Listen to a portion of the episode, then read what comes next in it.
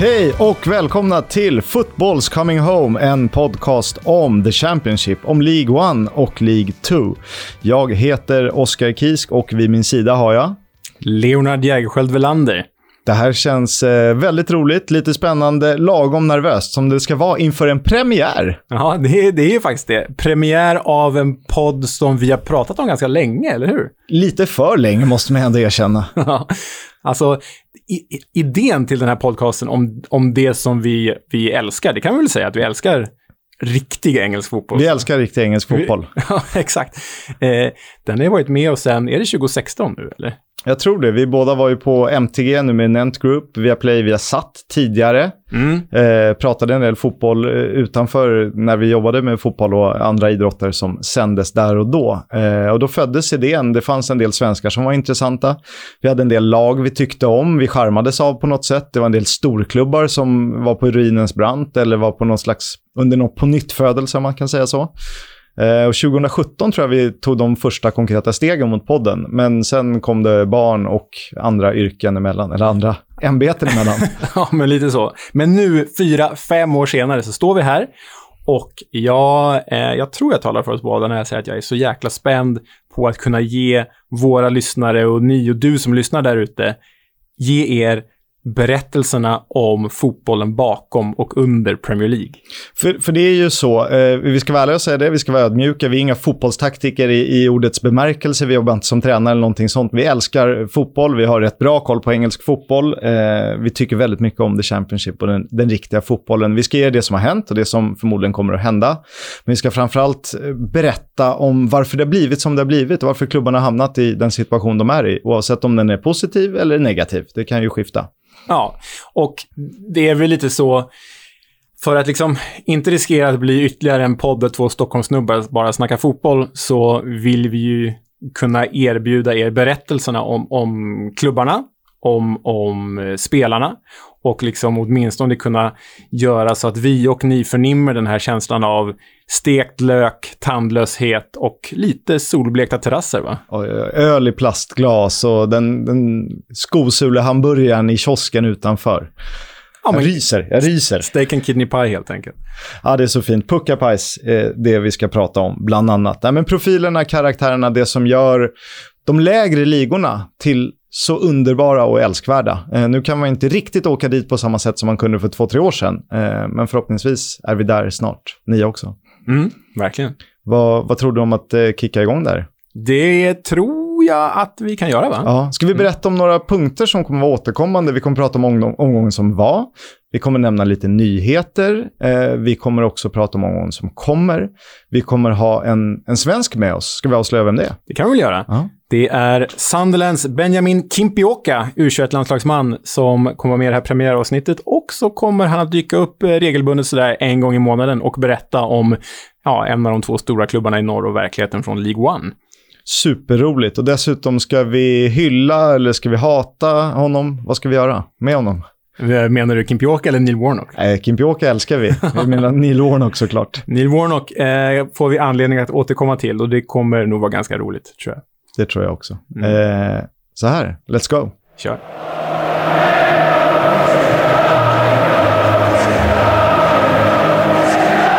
Den första omgången av Championship 2021-2022 är spelad. Den började redan på fredagen när Bournemouth tog emot West Bromwich Albion på Vitality Stadium, om man väljer att kalla den så, som den heter enligt sponsorskapet. Enligt lag. enligt lag, enligt lag. Exakt. Exakt. Ja, vad tar vi med oss? Förutom att det var en otroligt underhållande premiär. Ja, men den var ju, alltså, för er som inte har sett resultatet, det här är ju några dagar efter då förstås, men, men det slutade ju 2-2 och eh, som du säger, Oskar, det var ju väldigt böljande och framför allt så gick i alla fall jag in i den här matchen med eh, liksom inställningen att det här är två lag som på pappret ska vara med och kämpa om direktplatserna upp till Premier League. Bournemouth, som har gjort en säsong i The Championship, föll ju i, i kvalet eh, upp till Premier League då, förra eh, i våras. Och sen då West Brom som kom ner från Premier League. Så det var ju väldigt kul att de två eh, skallade varandra direkt mm. i första omgången. Eh, och det såg ju ganska lovande ut va? Ja, det jag slås mest av, kanske den tydligaste för Bournemouth i alla fall, eh, nu med Scott Parker vid rodret. spännande bara det. Ja, jag älskar Scott Parker. Det, det gör jag också, eh, såklart. Eh, men det är att de har ingen riktig första målvakt. Det var Mark Travers som stod. Det verkar väl som han får förtroendet nu tills vidare om de inte tar in någon. Och det verkar också osäkert om de överhuvudtaget ska ta in någon. Och det är ju tufft. Ja, alltså Travers, eh, han gjorde väl någon match i Premier League när de var, när de var där uppe, men eh, var ju ändå en andra slips där. Och eh, nu när de har tappat Asmir Begovic, ni vet, den eh, gamla, vad är han? Gammal Pompey och Bournemouth och Milan-målvakt. Eh, han är gammal i alla fall, gammal typ jämnårig med oss alltså. Exakt. Men han har ju flyttat vidare till Everton och då valde man att ge Travers förtroendet. Och jag tyckte mig se, som du är inne på, ganska svajigt Eh, spel från honom. Det är väl två bortdömda mål från West Brom som West Brom får, va? Och där Travers inte ser särskilt stabil ut. Nu blev det ju liksom inga allvarligare än så, men, men ja, nej, jag tror att, som du är inne på, Bournemouths akilleshäl den här säsongen kan mycket väl vara målvaktsspelet. Ja, och uh, de har ju positiva tecken också. Uh, Marcondes, jag kallar honom brasse, men det är han ju inte. Han är ju dansk. han är dansk. Men han, för mig ser han ut som en brasse och låter som en brasse. Och spelar som en brasse. Exakt. Eh, såg fin ut bredvid Billing på mittfältet. Det var väl de som kanske stack ut mest i, i, för Cherries. Ja, och jag tycker att eh, Marcondes, han kommer ju gratis eh, från uppflyttade Brentford. Och eh, är man en Brentford, tidigare Brentford-spelare, då är man ju stöpt i en viss skola och den verkar ju passa, i alla fall baserat på den här matchen, Bournemouth väldigt väl. Han flöt ju omkring så fint där mellan motståndarnas lagdelar och gjorde även ett mål. Så ja, eh, Bournemouth lovar gott. Gällande West Brom mm. så slogs jag av att det här väldigt trötta, sega, oinspirerade West Brom som vi såg i Premier League, att de fasiken aldrig slutade springa den här matchen. Nej, pressade väldigt, väldigt, väldigt högt. Ja, och det, det har ju bara gått en match och det, så kommer vi säkert säga tusen gånger i den här podden eftersom att det är 46 omgångar lång serie. men, men eh, Eh, det kan väl antagligen tillskrivas nya tränaren Valerian Ismael som, som kom från Barnsley nu under sommaren. För han spelade ju väldigt högt pressspel med Barnsley och intensivt. Och gjorde lite minisuccé där får man ju ändå säga. Tog de så pass högt, det var nog inte många som förväntade sig. Nej, men från nedflyttningsaspirant till kvallag upp till Premier League. Så det är ju, ja, det, det ska bli spännande. Det känns som ett levande West Brom och det gillar man ju. Det gillar man. Framförallt gillar man att de har The Enfield Iniesta på mittfältet. det får du förklara närmare för våra lyssnare. Alla är inte med på det tror jag. Nej, det är väl ingen som har sett honom spela som jämför honom med Iniesta längre kanske. Nej, men Jake Livermore kom ju fram i, i Tottenhams ungdomslag och eh, aspirerade på första på A-laget där, men det var, blev aldrig riktigt så bra. Eh, men en härlig spelartyp. Jag tycker kanske att han är mer av en gnuggare än en Iniesta. Eh, och om det är ironiskt med The Enfield Iniesta eller inte, det låter vi vara osagt just nu. Den som stack ut i West Brom var väl Dara O'Shea. Eh, gjorde ett mål, eh, försvararen. Dessutom mm. så hade han ett till, du pratar om bortdömda. Eh, han gjorde ett mål som inte blev godkänt för en knuff tidigare i situationen. Ja, och eh, han liksom förkroppsligar väl lite det vi såg av Westrom. Den här fysis fysiska överlägsenheten och intensiteten som, eh, som de verkar stå för den här säsongen och som Ismael då implementerat. Så ja, ska bli spännande att se VBA. Det, det, det är väl så, vi ska väl säga det att eh, vi kommer ge er ganska mycket här från omgången och kring spelarna och lagen som det har varit, men den riktiga laggenomgången, lag för lag, förutsättningar inför säsongen, om än en omgång in, kommer separat. Eh, så ta med er det när ni lyssnar på det här avsnittet. Att visst, vi snackar eh, West Brom och Bournemouth och alla andra lag, hur bra och fina de sett ut, eller dåliga. Men förutsättningarna kommer i ett separat avsnitt som också släpps den här veckan. Ja, och ni ha, får ha respekt för att i laggenomgången så kan det förekomma vissa faktafel eftersom spelare har lämnat eller tillkommit eller liknande och det, det är saker vi inte kan styra. Nej, det är för det är ju kanske en eller två dagars differens från att vi spelar in där tills att avsnittet släpps. Exakt, men det, det är kul att vara igång. På tal om eh, omgången som var då. Mm. Premier League-lagen överraskade knappast positivt. Nej, nej, alltså inget, inget vann ju av vare sig eh, West Brom, Sheffield United eller Fulham. Och kan vi inte stanna till lite vid Fulham? Vi kan prata hur mycket Fulham du vill, jag har tid. ja, för det är väl så. Det ska väl erkännas så att ingen kan anklaga mig för något annat. Men objektiviteten är ju lätt utflugen när vi landar vid Craven Cottage, för jag håller ju på Fulham sen, sen ja, 20 års tid nästan. Eh, det får tillskrivas Edwin van der Sar. Men jag satt ju klistrad framför Fulham eh, Middlesbrough. Och eh, trots att matchen slutade 1-1 så var jag ändå ganska nöjd. Fulham spelade svinbra fotboll. Alltså jättebra och rolig fotboll. Trust the process. Ja, men lite så. Och det har ju varit eh, höjda ögonbryn och en del frågetecken kring tränare Marco Silva, som har, som har kommit in nu då. Eh, tidigare Watford-flopp, får man säga, och Everton-flopp, mm. men halvsuccé. Mm. Eh, som ska ta sin revansch här i England. Men... Jag tycker det är ett spännande tränarval ändå. Jag så alltså, kittlas lite när jag hör Marco Silva och Fulham. Folk kanske tycker tvärt emot mig, men jag, jag, tycker det känns som en bra match. Det får man väl se i november när han precis har fått dojan efter tolv raka förluster, men eh, på förhand i alla fall. Ja, men det, det som kittlar med det är att, som sagt, vi nämnde Scott Parker som numera tränar Bournemouth. Han tränade ju Fulham i Premier League. Jag älskar Scott Parker, både som spelare och tränare, men lite för defensiv, lite för återhållsam. För Fulham är ju ändå historiskt sett i modern historia känd för att spela ganska fin fotboll. Jag tänker på Martin Joll-åren, jag tänker på de tidiga Premier League-åren. Ska vi stanna vid Martin Joll? Hur länge ska vi stanna vid Martin Joll? I love Martin Joll and Martin Joll loves me. Ja, verkligen. Nej, men det som känns bra med Marco Silva är att det var en väldigt positiv och offensiv fotboll och därtill med liksom två egenproducerade talanger från start. Eh, Sen var det ju liksom Neil Warnocks West Brom, eller Neil Warnocks Middlesbrough på, på andra sidan och de behöver en chans för att göra ett mål och ta en poäng och då, då, då kanske det blir så.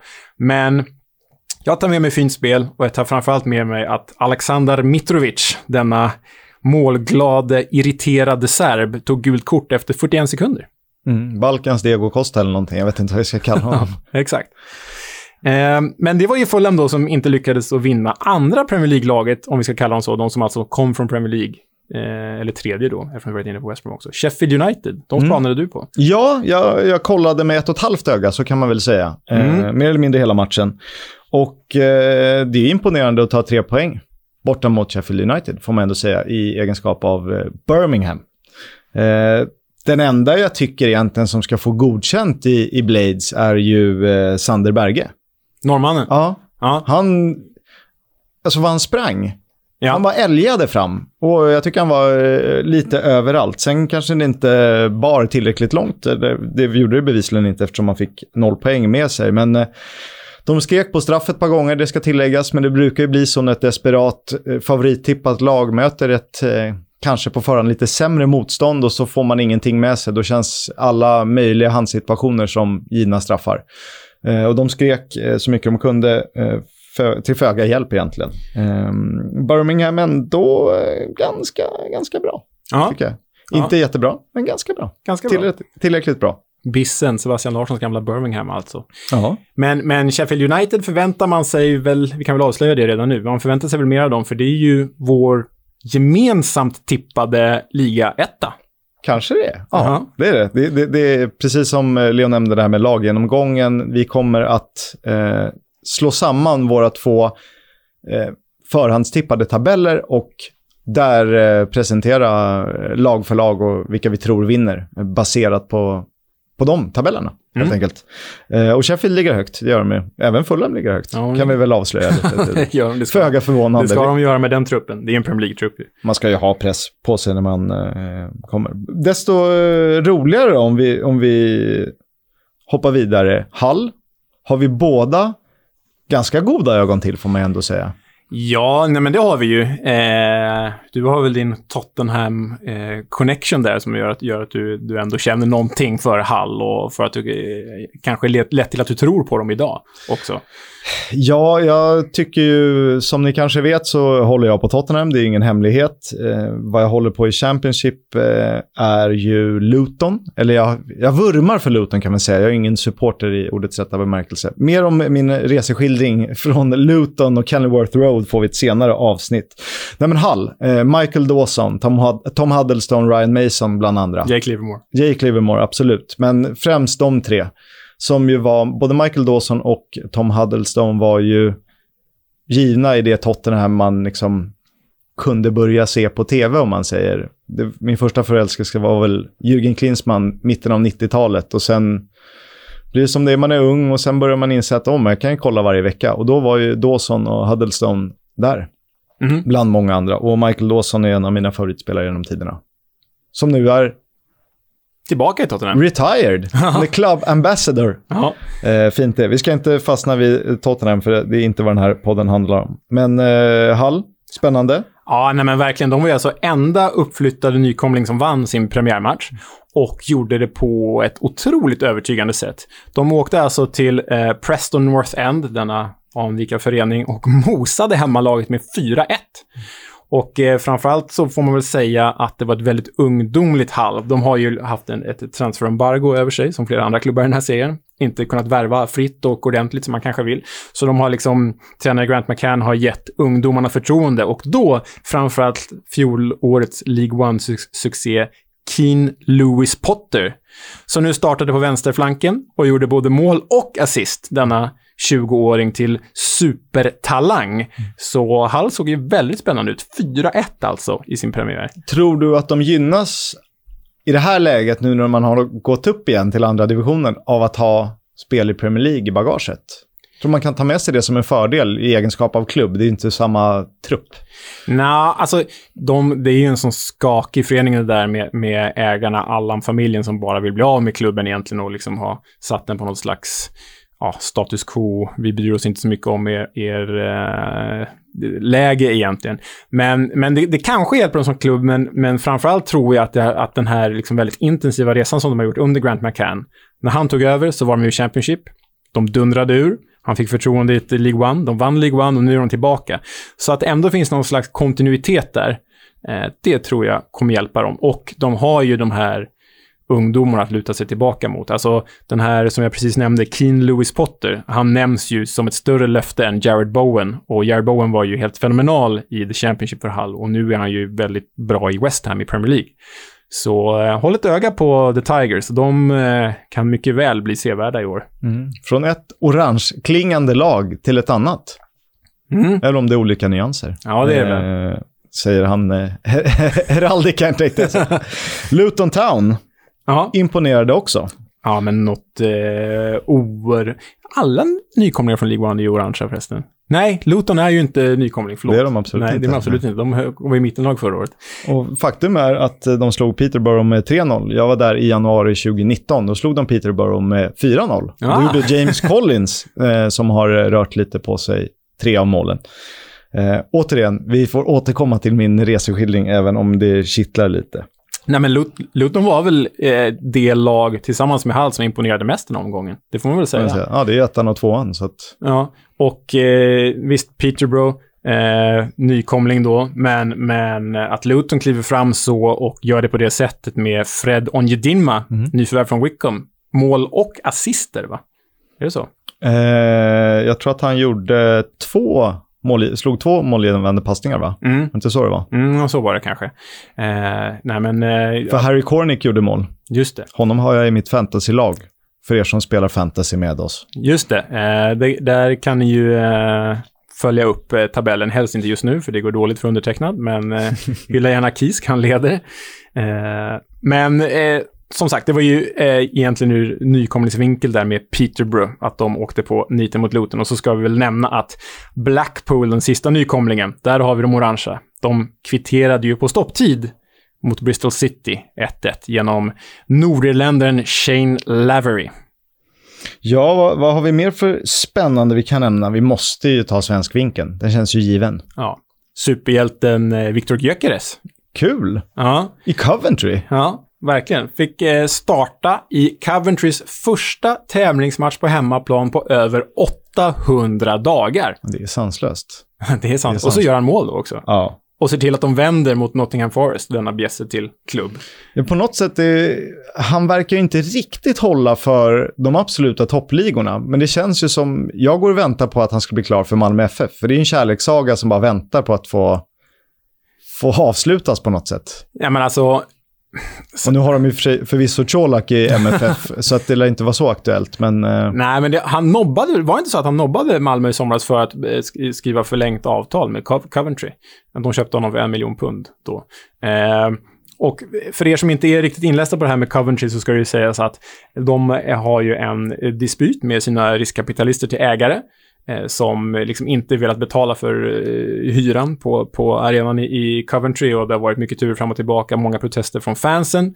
Så de spelade faktiskt, de, de senaste 800 dagarna spelade de fotboll i Birmingham och inte i Coventry.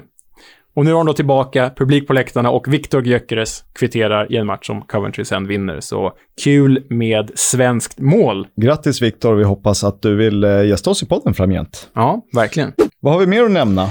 Nej, men det är väl så att vi kanske ska landa i, i eh, eh någon rubrik till här. Jag tänker på krisande redan nu. Det, det, känns så kvällstidningsaktigt att säga kris när man är en match in i säsongen. Men krisande Derby mot krisande Huddersfield.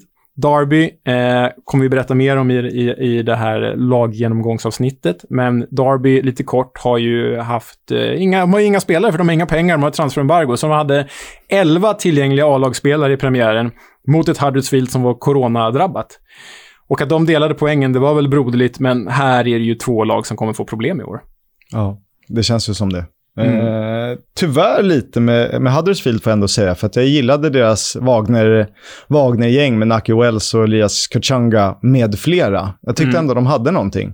Och de vågade på något sätt i, i om man tittar på deras Premier League-sejour. De ville ju spela där på egna meriter och inte för att motståndarna skulle göra misstag eller backa hem. Jag tyckte ändå man tog för sig. Eh, och det är ett plus i min bok i alla fall. Ja, verkligen. Men eh, nu, är det, nu känns det, det är inte Derby-deppigt, men det känns ändå ganska tungt där i Huddersfield, eh, skulle jag säga. Sen har vi ju en gammal klassiker. Vi har ju Russell Martin. Mm. Många kanske känner honom som en högerback i Norwich. Numera är han, han är väl Championships yngsta manager, tog över Swansea för en vecka sedan och eh, förlorade således premiärmatchen mot Blackburn. Eh, men det känns ändå som en Swansea-utnämning, eller hur? Han, eh, han är ju väldigt, eh, han är väldigt håsad, men han är ganska håsad för sitt sätt att nyttja bollinnehav. Det var väl det lag i, eller eh, när han tränade MK Dons var det väl lag tre i tabellen över mest bollinnehav i Europa. Jag tror bara Barcelona och Manchester City slog, eller slog MK Dons. det, det är anmärkningsvärt ändå. Och då hade de, ska ju sägas, det, det fortsatte, de har alltså haft hand om Swansea i en vecka inför den här premiären mot Blackburn. Och de har 72 procent bollinnehav. Det. Men jag såg den här matchen eh, från en sjukhussäng faktiskt. Och eh, eh, det, det är ju så att det bollinnehavet till trots så kunde de inte hantera det. Det var ju kanske tio felpassningar i egen backlinje som gav Blackburn lägen. Eh... Men vi vet ju Swansea och bollinnehav sen tidigare har mm. ju funkat. Liam Britton och Joe Allen som skrevs upp av alla som eh, duon som eh, slår fler passningar till rätt adress än Xavi Iniesta hette det då när de var på, gjorde sin resa från League 2 uppåt. Ja, men det är lite därför man gillar den här utnämningen, för det går ändå i linje med det som Swansea var när de var så bra, med Roberto Martinez, med Brendan Rodgers vid, vid tränarordet. Det, det, det känns Steve Cooper som, som lämnade föreningen då, eh, har ju tagit dem till, till playoff två år i rad, men det var med ganska destruktiv fotboll som fansen inte har gillat. Det här är nog något mer som supportrarna kommer känna igen sig i. Liksom. Ja, men jag tycker det är fint när en klubb får stå för någonting och att det fortsätter vara så. Att man ja. bestämmer sig att vi ska spela rolig fotboll och naturligtvis försöka lyckas också. Men att det finns en, en röd tråd eh, mellan resultaten. Ja.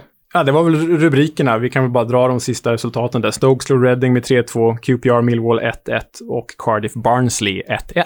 Mm.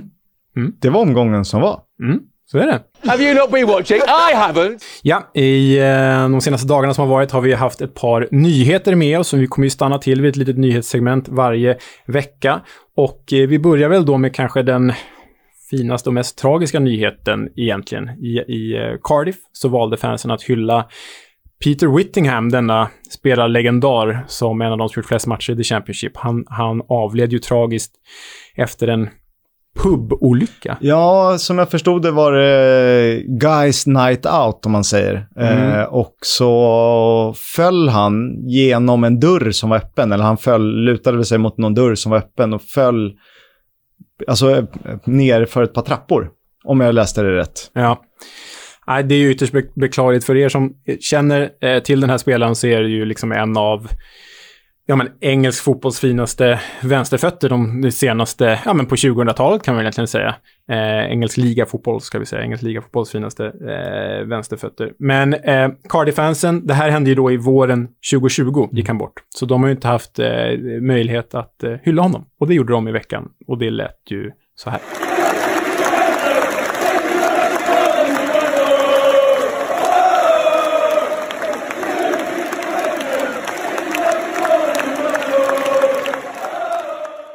Wayne Rooney sover.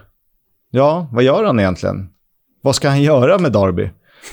Va, vad är det som har hänt, Leo? Ge oss. Ah, men grejen med, med, Wayne Rooney är att det har varit väldigt mycket turer och skandaler kring honom. Och det som hände strax före säsongstarten är att han, eh, det läckte ett par bilder där han sitter sovandes på ett hotellrum med eh, tre kvinnor eh, runt sig. Mm. De tar lite, eh, liksom, avslöjande bilder på honom. Han har nog festat lite för hårt och de står och monar honom, bland annat. Och det, här... det var någon hångelbild också tyckte jag mig se. Exakt. Och det känns ju inte jättebra för, för en, dels för Darbys huvudtränare, men kanske framförallt för familjefadern Wayne Rooney. Och han har ju varit i lite, lite trubbel tidigare. Ja, så, så, är det ju. Och det här vill man ju flika in, It's Rebecca Vardy. för er som förstår. Ja. Och grejen, det här har mynnat ut i att både klubben och Wayne Rooney har gått ut och sagt att det här är utrett. Men eh, bara ett par dagar senare så dök det upp, alltså nu i veckan, att Wayne Rooney sover på kontoret för att citat ägna sig helt åt Darby. Eh, jag tror att det finns andra anledningar bakom det här, men det behöver vi inte spekulera i. Nej, det, det, är upp till familjen. Vi kan väl lämna det där. Men mm. ibland kan man behöva sova på kontoret för att komma närmare verksamheten om man har 11 A-lagsspelare. Ja, så är det ju. Vi hade en eh, svensk hjälte i ligacupen i veckan. Det hade vi. Han heter Pontus Dahlberg, har tidigare eh, fostrad i IFK Göteborg, eh, stod senast för Häcken. Eh, en skicklig målvakt, men och, som vi skrev eh, i sociala medier, jag tycker att han borde ha högre ambitioner än Doncaster. Inget ont om Doncaster, men det känns som att han borde vara nosa på en toppliga snart för hans egen eh, utveckling. Men det här är säkert jättebra. Och eh, nu räddade han tre straffar i straffläggningen mot Walsall i EFL Cup. Eller Carabao Cup som den hette tidigare. Carling Cup. Kärt ja. barn har många namn och så vidare. Exakt. Eh, grattis. Ja, bra jobbat. Tre straffar. Det är ju, jag såg dem på sociala medier också. Jag såg ju, han är lång, så bra jobbat. Men straffarna mm. var väl sådär. Ja, så kan man säga också. Mer om det i en annan podd. På tal om övergångar, vad är eh, mest värt att nämna? Det måste vara Adam Armstrong. Adam Armstrong lämnar Blackburn för Saints, Southampton. Fem... Danny Ings-ersättare. Ja, Får exakt. man väl ändå kalla det. Ja. Spelade ju inte premiären för Blackburn, de vann ändå. 15 miljoner pund får de, men inte ett enda av de här punden ska återinvesteras i truppen enligt eh, de indiska ägarna Venkis. Så Blackburn har inga pengar att röra sig med och blir av med 28 mål från i fjol. Så det kan bli tufft. Det kan bli tufft och de eh, vet jag från annat håll eh, hade ju något på gång. Om man tror på expected goals och expected points så, trodde, så väntade man hela tiden på att det skulle lossna. Och det funkade absolut inte när Armstrong var borta och eh, det funkade inte så jättebra sen heller, tyvärr. Vi har ju en, eh, en, en, eh, en twittrare som vi är vän med som eh, skriver mycket om Blackburn. Mm. Eh, vi lider med dig just nu. Eh, vi hoppas att du fortsätter lyssna på podden dock. Ja. Och sen eh, sista rubriken från eh, veckans nyhetssvep. Det är ju den gänglige, den härlige Sol Bamba. Sol Bamba. Eh, mittback då som spelat i Cardiff de senaste åren diagnostiserades med cancer i januari. Det är ju hemskt förstås. Cancerfri i maj. Cancerfri i maj hyllades av spelare och tränare, kom in på planen där. Eh, och nu har han skrivit på för Middlesbrough. Otroligt. Ja. Bamba Warnock. Ja, igen. De jobbade tillsammans i, i, Cardiff tidigare. Men åtta månader från cancer till att skriva på för ny klubb. Så det är otroligt. Kul med Bamba. Vi, sol, sol Bamba. Vi är glada för alla cancerhistorier som löser sig.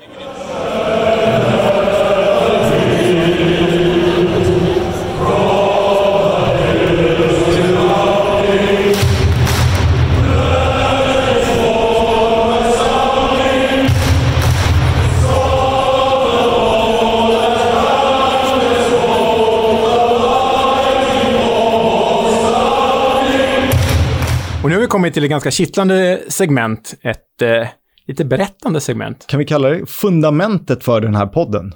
Fundamentsegmentet. Ja, men det är bra. ja, eh, eh, jo, det är så här att varje vecka så kommer vi att ge er berättelsen om en klubb eller en spelare. Någon profil? Ja. Och eh, lite oklart eh, hur ofta det kommer vara klubb, hur ofta det kommer vara spelare. Ambitionen är att vi ska berätta berättelsen om alla klubbar i alla fall i, i serien och sätta dem i någon slags kontext. Och idén är att eh, jag vi ger eh, klubbar till varandra. Så jag eh, ber Kisk att eh, ge, eh, ge oss storyn om en klubb och sen till nästa vecka gör han tvärtom. Det kan vara en spelare också.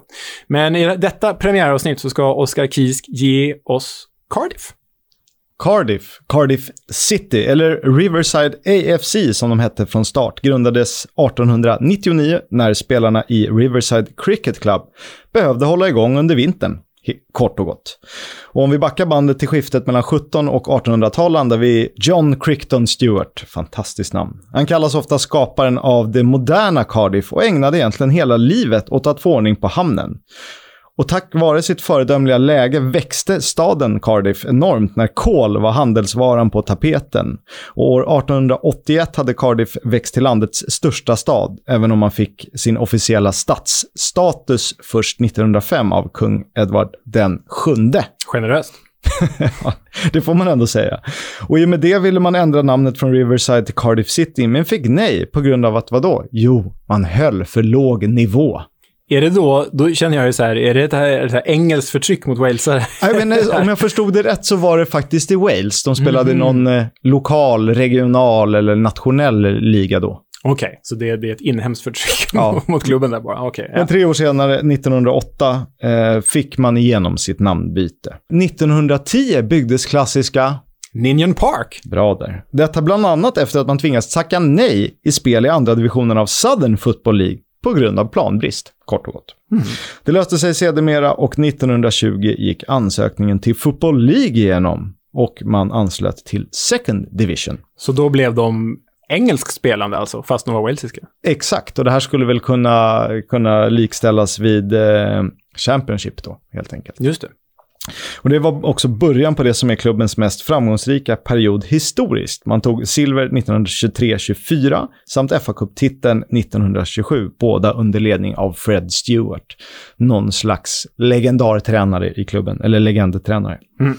Och efter det har Cardiffs resa mest varit någon slags berg liknande graf mellan seriesystemen, så när som på några stabila år i finrummet under 1950-talet. Sedan 04-05 är man i Championship för att stanna, men man har gjort två missöden till försök i Premier League. jo, de, de, de minns man ju med sorg. det gör man verkligen. Det var, det var bara ett mörker alltihopa. Det var flera anledningar. Låt ja. mig få återkomma till det. Kul. Eh, Sam Hammam, den libanesiska affärsmannen som kanske mest är känd för sitt arbete med Wimbledon FC under två decennier, köpte in sig i Cardiff år 2000 och var med och satte grunden för en klättring genom serierna. Det, det ska han ändå ha. Sen kanske inte alla var helt sålda till en början när man ville göra The Cardiff Celts, som man tyckte att de skulle heta, till hela Wales lag.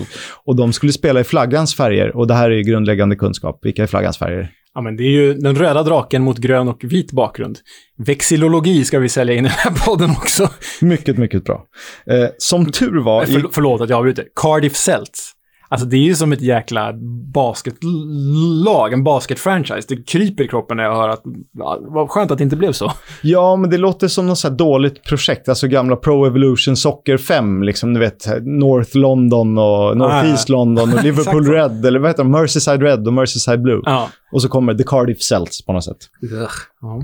Eh, som tur var gick det aldrig igenom, till skillnad från ett annat färgbyte. Eh, det har vi ju koll på. Efter ett par röriga säsonger med ägarbyten, tveksamma finanser och Peter Risdale i spetsen fick Cardiff på nytt utländska ägare 2010. Och det var ju en samling malaysiska affärsmän. De flesta känner till bondskurken Vincent Tan, men den som var lite ansiktet utåt då var ju TG. Dato Chan Tiangi han kallades för TG alltså? Han kallades för TG. Det, det låter som en äh, rappare. Jag blandar ihop honom med TQ som sjöng låten Westside för ett Så en bondskurk och en rappare som rattade dem upp i Premier League alltså. TG Vincent han. Eh, och som ni säkert känner till är ju Cardiff City kända för sina blåa dräkter med vita detaljer, alltså Bluebirds. Och det finns en story till den, den ska ni få höra alldeles strax. Men för att det här gänget, eh, främst då med Vincent Tans, även om han var lite i bakgrunden, eh, skulle kunna eh, investera sina pengar, det var närmare, eller dryga miljarden svenska kronor, då krävde Vincent Tan att få ändra klubbens färg från blått till rött. Och det här är ju liksom... Ja, men det är helgerån, det är kätteri. Exakt vad det är. Det, det är som att sticka in en kniv och det blir ju liksom ett öppet sår. Och visst att såret läker, men det blir ett ärr. Det, det, det som liksom var lite förlåtande kan jag tänka mig från, från fansens aspekt, det var att de här pengarna faktiskt tog dem till Premier League. Men är det värt det när hela din identitet, hela klubbens identitet, är Bluebirds? De är blå. Och så blir de röda. Mm. Och byt, de bytte ju dessutom eh, klubbmärke från en fågel till en drake också. Ja, eh, med eh, liksom röda, med rött fokus. Från blått till rött. Ja. Och nu är draken kvar längst ner i emblemet med svalan ovanför om jag inte missminner mig. Exakt. Visserligen en Wales-koppling till draken, absolut, men... men Den ser mer ut som fördomar här. Den kinesiska draken än den draken som finns i, i det walesiska statsvapnet, eller flaggan. Ja, nej, det, det är ju så... Ja, det, det kittlar obekvämt i kroppen när, när man hör det här. Och jag minns det ju, för vi jobbade med Premier League, både du och jag då. På, det gjorde på... vi. Och man var ju liksom så här mega frälst. Såg allt. Och så ska mm. de spela i rött. Nej, det var hemskt. Och han skyllde ju delvis på den röda walesiska draken. Men egentligen var det bara så enkelt att Vincent Tans favoritfärg var röd. Ja, och det var, eller hans turfärg, lyckofärg om vi väljer att kalla det så. Ja, det, det, det är ju sanslöst. Och jag tänker också den här, den här Cardiff-publiken som... De är ju kända som ett slags Millwall light. Alltså det är ändå ganska... Och deras, den här Soul Crew, deras klassiska firma, hade ju rätt eh, hårda bataljer med Millwalls diton. Det blir lite England, Wales och... Eh. Exakt, men den typen av liksom så här hamnarbetar, gruvhistorik, den typen av arbetarklass supportrar var tvungna att förlika sig med att den här Vincent Tan kommer in med, med, och liksom köper en plats i Premier League. För det var ju det, det, var ju det som hände till priset av deras identitet. Det är ju, ja, ja uh, mm. känns sådär. I don't want to sell my soul, he's already in me, kan man ju, för den referensen, eh, Ian Brown, för er som inte vet det. Eh, det här togs ju absolut inte emot med någon större kärlek. Det var högljudda protester utan respons för Tan såklart. Det fortsatte vara turbulent i den walesiska klubben efter att succétränaren Malky Mackey kritiserat starkt av ägare Vincent Tan för värvningar, budgetar, spelsätt, ja, säkert allting som du kan tänka dig. Eh, och trots nya protester från fansen, don't sacrifice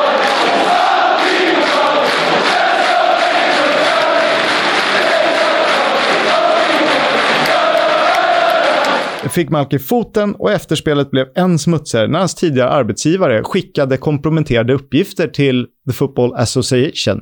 Och eh, skotten anklagades för rasism och sexism, bland annat. Han har väl bett om ursäkt för det han skickade, men aldrig erkänt riktigt, tagit på sig att det skulle vara några rasistiska undertoner eller liknande. Jag kommer ihåg det här, för det, det, var ju, vi gjorde ett in, när vi jobbade på Viasat med Premier League, så gjorde jag ett inslag tillsammans med Erik Niva där han plockade ut eh, jag tror det var fem, hans fem favoritramsor från engelsk fotboll just då. Och så liksom textade vi dem. En var den här, Don't sack Mackay, I just don't think you understand. Om jag vill minnas så fick han sparken 27 december 2013 och den här är filmad typ 20, 21, 22 när de möter Liverpool borta. Jag tror att de står kvar i timmar efter och sjunger den. Just det, exakt. Så det, det, var bara strax före, precis före han, han fick sparken och de här uppgifterna kom ut. Och vi hade liksom gått från att hylla ramsan som hyllade Malcolm McKay till att en vecka senare sitta och prata i studion om att jaha, det han är anklagad för, för massa rasistiska eh, dåliga saker. Så det, det svängde snabbt där om Malcolm McKay, minns jag. Det svängde snabbt. Det fortsatte svänga snabbt om Wales som tog in Ole Gunnar Solskär. Han lyckades inte hålla kvar klubben och blev således inte långlivad och ingen trodde väl att han kanske skulle träna en av världens största klubbar Nej, Eller det kanske man trodde, vad vet jag. Men det kändes inte som det där och då i alla fall. Inte för dig och mig i alla fall. Nej. Eh, Neil Warnock ska vi såklart återkomma till, men det är klart att han har haft sina år i Cardiff. Han tog klubben tillbaka till Premier League, men säsongen i finrummet kom mest att handla om den tragiska flygolyckan i Engelska kanalen, där Cardiffs rekordvärvning Emiliano Salah omkom. Och du såg honom bara ett par, eh, eh, en, av, en av de sista hemmamatcher. Min, min eh, far och jag roadtrippade i Frankrike och eh, han var helt fenomenal den säsongen ju eh, i, i Nantes. Och eh, den match vi såg förlorade Nantes förvisso hemma mot Nice, men Salah var ja, men sanslöst bra. Alltså target. Nu ska jag inte prata fransk fotboll i den här podden, men bara en tanke till Salah. Han var ju faktiskt, han tillhörde ju Cardiff, även om man bara han presenteras, kan man ju säga. Ja, nej, det var tragiskt och den här, den här liksom uppgörelsen mellan Cardiff och Nant pågår än idag, vem som är skyldig vem pengar. Och det är ju ett svart testament, ett svart vittne, ett mörkt vittne på den moderna fotbollen. Att det här är en spelare som faktiskt har omkommit och dött och även en, en pilot. Och så bråkar klubbarna än idag, flera år senare, om vem som är skyldig vem pengar. Och något ju... slags snitt över samhället på något sätt, samhällsdebatten på något sätt. Gör upp det här och försök samla ihop pengar till välgörenhet. Gör något vettigt av det. Ja. Det är bara tragiskt alltihopa. Så länge de håller på kan ju familjen inte gå vidare, skulle jag säga. Nej, det blev det mörka toner. Vi, vi minns honom för eh, fina mål. Många mål. Ja, han gjorde ju mål i den matchen vi var på, så det tackar vi för.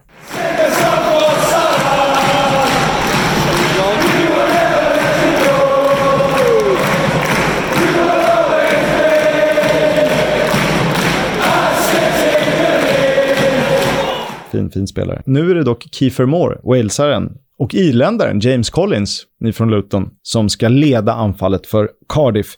Med min favorit, den evigt unge talangen Alex Smithis, som aldrig gjort ett Premier League-framträdande mellan stolparna.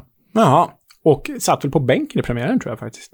Ja, det gjorde han. Mm. Det gjorde han. Eh, men det är en sån här spelare jag har trott på, men eh, det är snart dags att börja ge upp. Även om man som 31-årig målvakt faktiskt kan slå igenom. Så, så är det ju. Vincent Tan är kvar, men Mick McCarthy är ny på tränarposten. Och det får vi väl lov att återkomma till, vad vi tror om dem. Ja.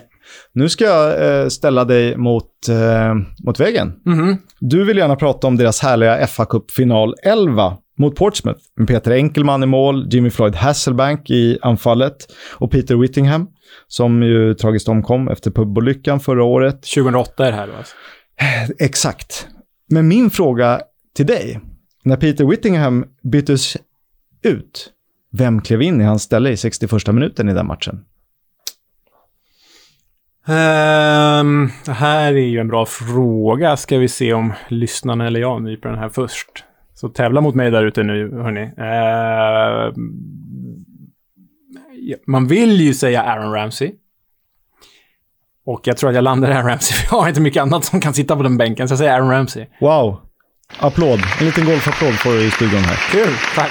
Eh, sen ska jag inte ställa någon fråga. Däremot ska jag berätta att The Bluebird är en en barnpjäs skriven av en eh, belgare, Maurice Maeterlinck, 1909. Och den eh, sattes upp på eh, New Theatre i Cardiff eh, 1911. Och därefter så har man helt enkelt, tidningarna börjat kalla Cardiff för Bluebirds. Så enkelt ska det vara. Ja, det är rimligt smeknamn på ett rimligt sätt. Oklart, men man gillar hur det var förr när det bara dök upp smeknamn från höger och vänster. ja, verkligen. Och nu ska vi avsluta segmentet av Cardiff med en lurig fråga. Du som älskar emblem, du älskar färger, flaggor.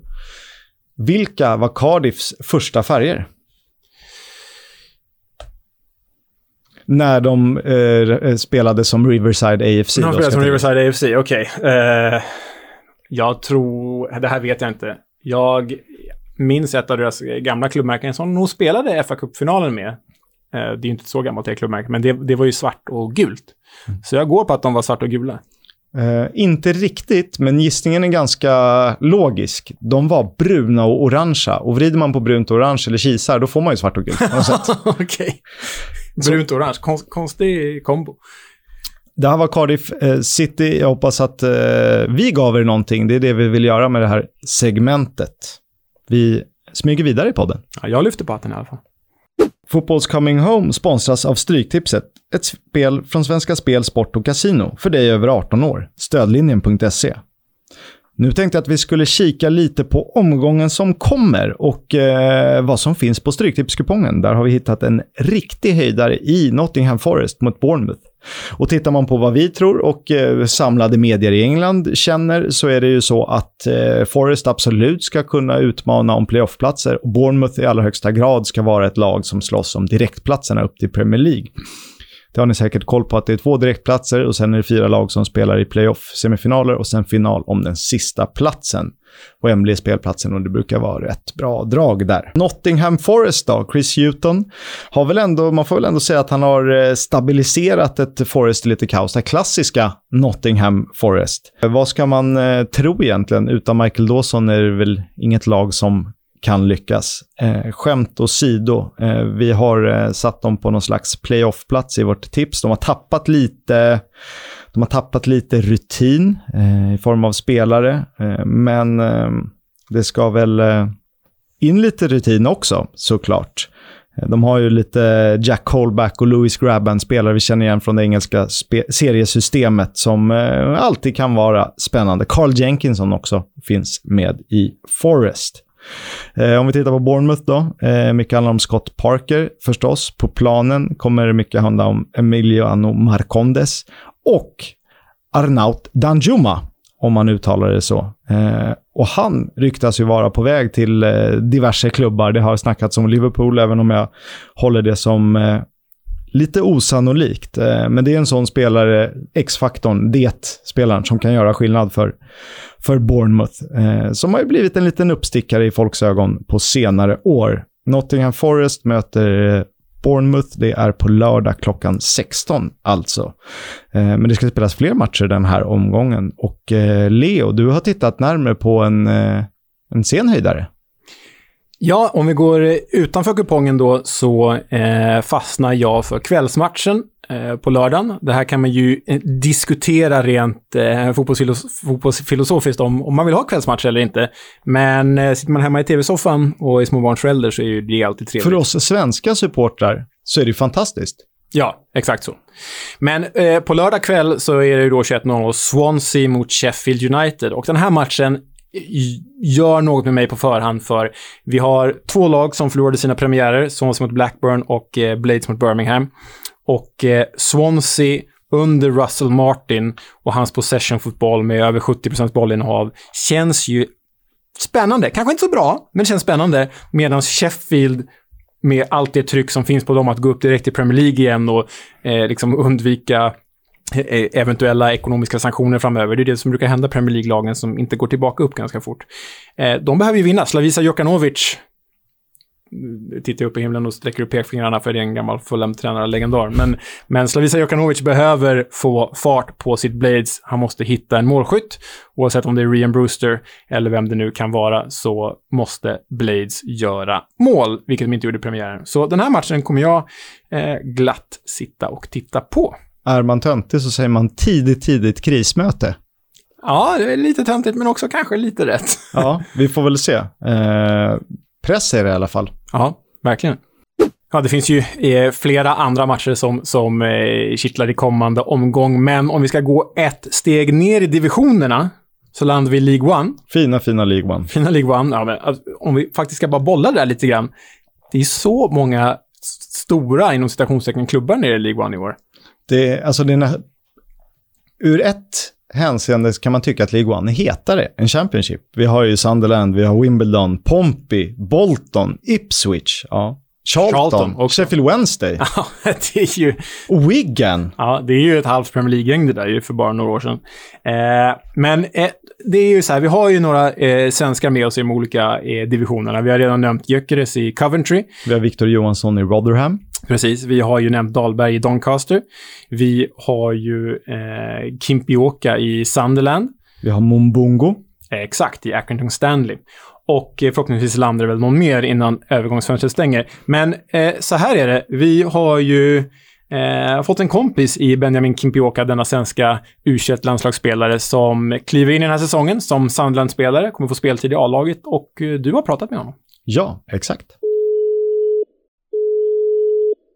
Benjamin Kimpioka, 21-årig anfallstalang som tillhör Sunderland, dessutom svensk U21-landslagsman, fostrad i IK Sirius men värvad av Sunderland som 16-åring och du har spelat där sedan dess, förutom en utlåning till Torquay under vårsäsongen 2021. Var det en korrekt beskrivning eller glömde jag något? Nej, det var perfekt. Perfekt. Hur skulle du beskriva dig själv som spelare för, dig, för folk som inte har koll på dig? Um, se en eh, väldigt snabb eh, anfallare som eh, även kan spela ytter. Började som ytter. Eh, stark eh, och eh, bra fötter. kan i spelen har jag blivit lite mer som en djup, djupledsanfallare. Innan så var jag mer som en ytter som utmanar mot en. Så jag kan eh, eh, variera på yttern och anfallspositionen. Med tanke på att du representerar Sunderland, eh, kan man kalla det en ny Joel Asoro då? um, nästan vi kanske har rätt så lika spelkvaliteter. Eh, så skulle jag ändå säga att eh, jag och Joel är lite ändå rätt så olika eh, i våra spel. Jag spelade med som anfallare i U21 eh, förra året. Men eh, det är ju Joel, Joel kör sitt race och jag, jag kör mitt race. Det låter bra. Eh, nu har du bott i Sunderland ett tag. Trivs du i nordöstra England? Ja, precis. precis. Bott här nu i... Jag kom hit när jag var 16, så nu jag kommer säga fem år nu. Trivs du? Uh, ja. Uh, I början, första året att lämna Sverige som 16-åring var det inte uh, enkelt.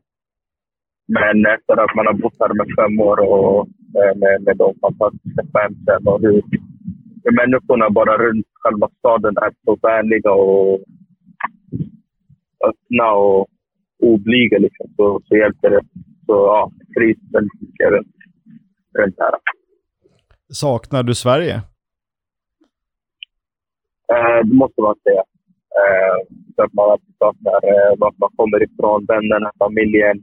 Men eh, när man, eh, det, det hjälper när man är i en, en eh, stad där man har bott i fem år och man gör det man älskar varje dag för en klubb man älskar. Så ja, jag klagar inte. Eh, Sunderland har gjort en, en, negativ resa, eller en resa neråt i seriesystemen de senaste åren. Och nu är det fjärde säsongen i League One. Vilka förväntningar har, har man på säsongen i, i Sunderland? Um, självklart så är det ju en, en mycket stor, en stor klubb. Uh, en stor klubb här i England. Eh, så förväntningarna är eh, väldigt höga på oss. Eh, såklart är det en liga vi inte vill vara i.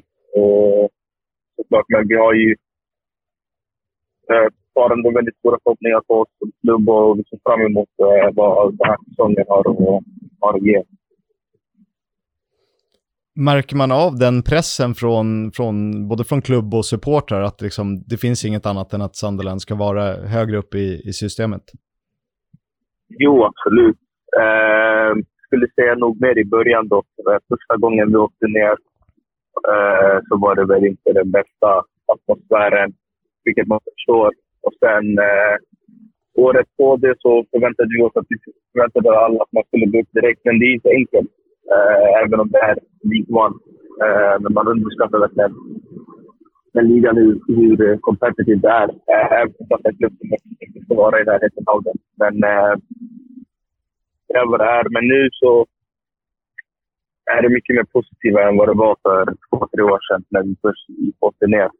Eh, vilket är väldigt bra. Och det hjälper.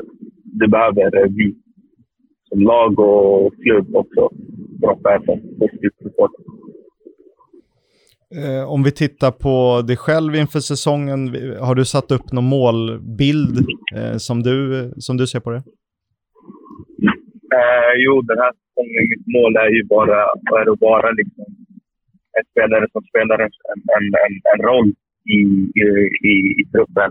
Eh, jag har haft lite upp och ner. Med, förra året hade jag en skada där jag en operation med säsongen. Och åren innan det så har det väl varit lite andra grejer, men eh, mitt mål som jag har eh, framöver är att vara bara liksom reguljär i truppen och ja, eh, bara vara med och hjälpa truppen framgångarna vi har framför dem.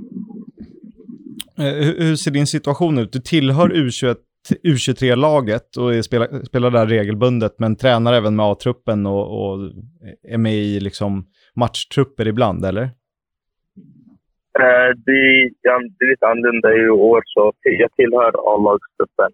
Eh, men uh, ja, som att jag precis kommit tillbaka. Jag kom tillbaka lite sent från försäsongen och såna grejer, så jag måste ta igen lite grejer. Så det är lite med att jag är, eh, är och kör lite löpning och springer och kör lite sådana grejer med U23. Och sen är jag eh, ja, sen är redo 100 så tar jag min plats i eh, A-laget igen.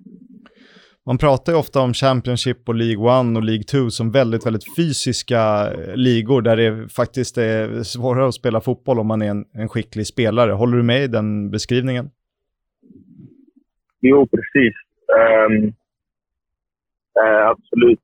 Uh, som skicklig spelare i en liga där det går väldigt snabbt och liksom det, det är svårt att, inte bli, att man inte blir exkluderad av en sån liga när man spelar mot eh, lag eller när fotbollen bara är generellt är mycket snabbare, mycket aggressivare och man inte har lika mycket, mycket tid på bollen så blir det ju svårt för att man är en väldigt skicklig spelare eller en mindre skicklig spelare. Jag förstår. Eh, det har ju pratats mycket om Sunderland till I Die som blev en stor tittarsuccé i Europa och världen. Har, vad har den satt för spår i omklädningsrummet och i, och i klubben? Det var en serie som vi gjorde. Det blev två säsonger av den. Så då gick det väl kanske inte som det skulle. Eh, vi hoppades kanske på att bli att gå upp promotion. Det blev kanske lite tack där. Men eh, jag tror alltså just nu så spelar vi inte in någonting och vi inte hört, ja, jag har inte hört någonting om, om uppföljande. Men eh, ja, man fick i alla fall se inifrån eh, hur det var och hur det, hur det gick till. Eh, om vi tittar på dina lagkamrater, är det någon du har särskilt bra kontakt med eller umgås lite extra mycket eller som har betytt eh, något för dig under tiden i Sunderland? Jag, jag hade några som eh, jag var rätt så nära innan. Eh, det var tre spelare, men de har nu, nu lämnat. En lämnade till Championship-klubben Middlesbrough. En lämnade till eh, Premier League-klubben Norwich och en spelar nu hemma i Algeriet i Afrika. Så det var nog mina, de tre närmaste jag hade från förra säsongen. Eh, men såklart, vi som lag, jag är bekväm och nära alla i laget. Liksom. Men de tre skulle jag nog säga eh, är mina närmaste. Eh, Bali Mumba, eh, William Popolo och sen Ahmed Abdelkader. De tre var de som lämnade. I helgen möter ni MK Dons eh, på bortaplan. Kommer du att eh, spela matchen? Um, jag har precis kommit tillbaka från äh, corona. Äh, kom tillbaka idag. Så jag kommer inte vara involverad i den matchen. Jag kommer göra... Jag kommer köra lite rehab och bygga upp min flås igen. Eh, för jag var ju isolerad i tio dagar. Blev du allvarligt sjuk eller klarade du dig lindrigt undan? Uh, tre dagarna var, var det väldigt flyga. Men uh, efter de första tre dagarna så började det lätta av rätt snabbt. Uh, nu, nu fint. Det enda som jag saknar är väl kanske smaken och luktsinnet bara. Men det ser jag inte tillbaka några veckor. Vi får eh, hoppas på så snabbt tillfrisknande som möjligt och att du är eh, tillbaka på planen igen. Eh, stort tack Benjamin för att du tog dig tid, så hoppas jag att vi hörs igen i fortsättningen här framöver under säsongen. Lycka till med allt. Might not be your fault, lads, eh? I'll just have to make sure you don't fucking happen again, because I fucking, I tell you now, I'm fucking more determined than ever. I'll look at you now. I'll have a chat with all of you next week. Before you start flying off to fucking Mallorca and all these other places, eh? We'll have a chat about the fucking game. About your game, last few months, last few weeks. Fucking character. Fucking hell. And I look at your contribution, some of you. No wonder he's a fucking bottle at fucking floor, Tonga. Hey? It's waited fucking nine months for that. A bit of fucking aggression. Fucking hell. You blame everything. Blame me, blame fucking pitch, ref, system, tactics. You want to have a look at your fucking self, some of you in fucking mirror. So please your fucking selves what you're doing next few days, alright? Get pissed if you want, go out to nightclubs, take your missus out, shag her on fucking car seat, anything you want. Because there's some of you lot that could have done fucking better and we should have been up there. And you're fucking also around, you're happy. You fucking be off flying away next fucking week. It don't hurt you. You're fucking picking a wage up. That's a load of bollocks. You've got to fucking die to get three points. Veckans Warnock är ett återkommande segment där vi lyfter fram något speciellt som har hänt i Championship med omnejd. Och det är någon slags hyllning till eh, den gamle farbrorn Neil Warnock som har varit länge i tränarbranschen, om man så får säga. Men det behöver inte bara vara Neil Warnock, det kommer förekomma annat eh, roligt och underhållande, kan man väl säga. Ja, för, för grejen med Neil Warnock är ju att den här gamla 72-årige tränarstofilen är ju en figur som vi hatar att älska och en figur som vi älskar att hata.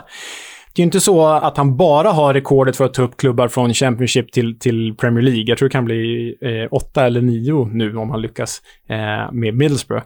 Men eh, det är också så att det är en väldigt provokativ herre, som är väldigt rolig i sina provokationer, men också en, en gubbsur gammal fis, liksom, om man får säga så. Eh, och eh, han, som ni hörde i det här Any Given Sunday-talet som, som inledde hela det här segmentet, så är han ju en arg jävel. Mm. Och ganska galen. Och han använder ett språk som eh, passar rätt bra för in på karaktären Neil Warnock. Exakt. Och med det här segmentet då så vill vi ju då lyfta vår hatkärlek till Neil Warnock, men även kunna plocka fram eh, galenheter och crazy bits från, från, eh, från eh, ligasystemet. Så det är inte alltid Neil Warnock, men, men det kan vara det. Men eh, det kan vara det också. Men du hade ju en eh, rolig Neil Warnock-spaning i, i somras nu, för bara några veckor sedan. Eh, eller hur? Med, med autograferna. Ja, eh, Neil Warnock eh, ser sig själv på en eh, hög piedestal. Så pass hög att han bär med sig färdigskrivna kort med hans autograf på, som han delar ut till intresserade åskådare. ja, och det här kan ju vara ett läge att faktiskt nämna vårt Twitterkonto första gången någonsin i den här podden. Och kanske lägga upp den bilden också. Eh... Det ska vi göra. Eh, kontot heter ju EFL-podden. Vi smygstartade där med lite Championship-nytt, lite rykten, lite eh, svensk fokus och liknande. Och vi kommer dela med oss av det bästa, tro oss. Ja, så eh, där börjar vi med eh, Warnocks Any Given Sunday-tal och med hans autografskrivande. Vi hoppas på mer galna saker framöver. Ja, jag tänker bara på det där klippet när han stirrar in i kameran och så är det någon som har lagt eh, Bittersweet Symphony bakom. Det är ett helt otroligt klipp. Helt otroligt klipp. det är faktiskt väldigt bra.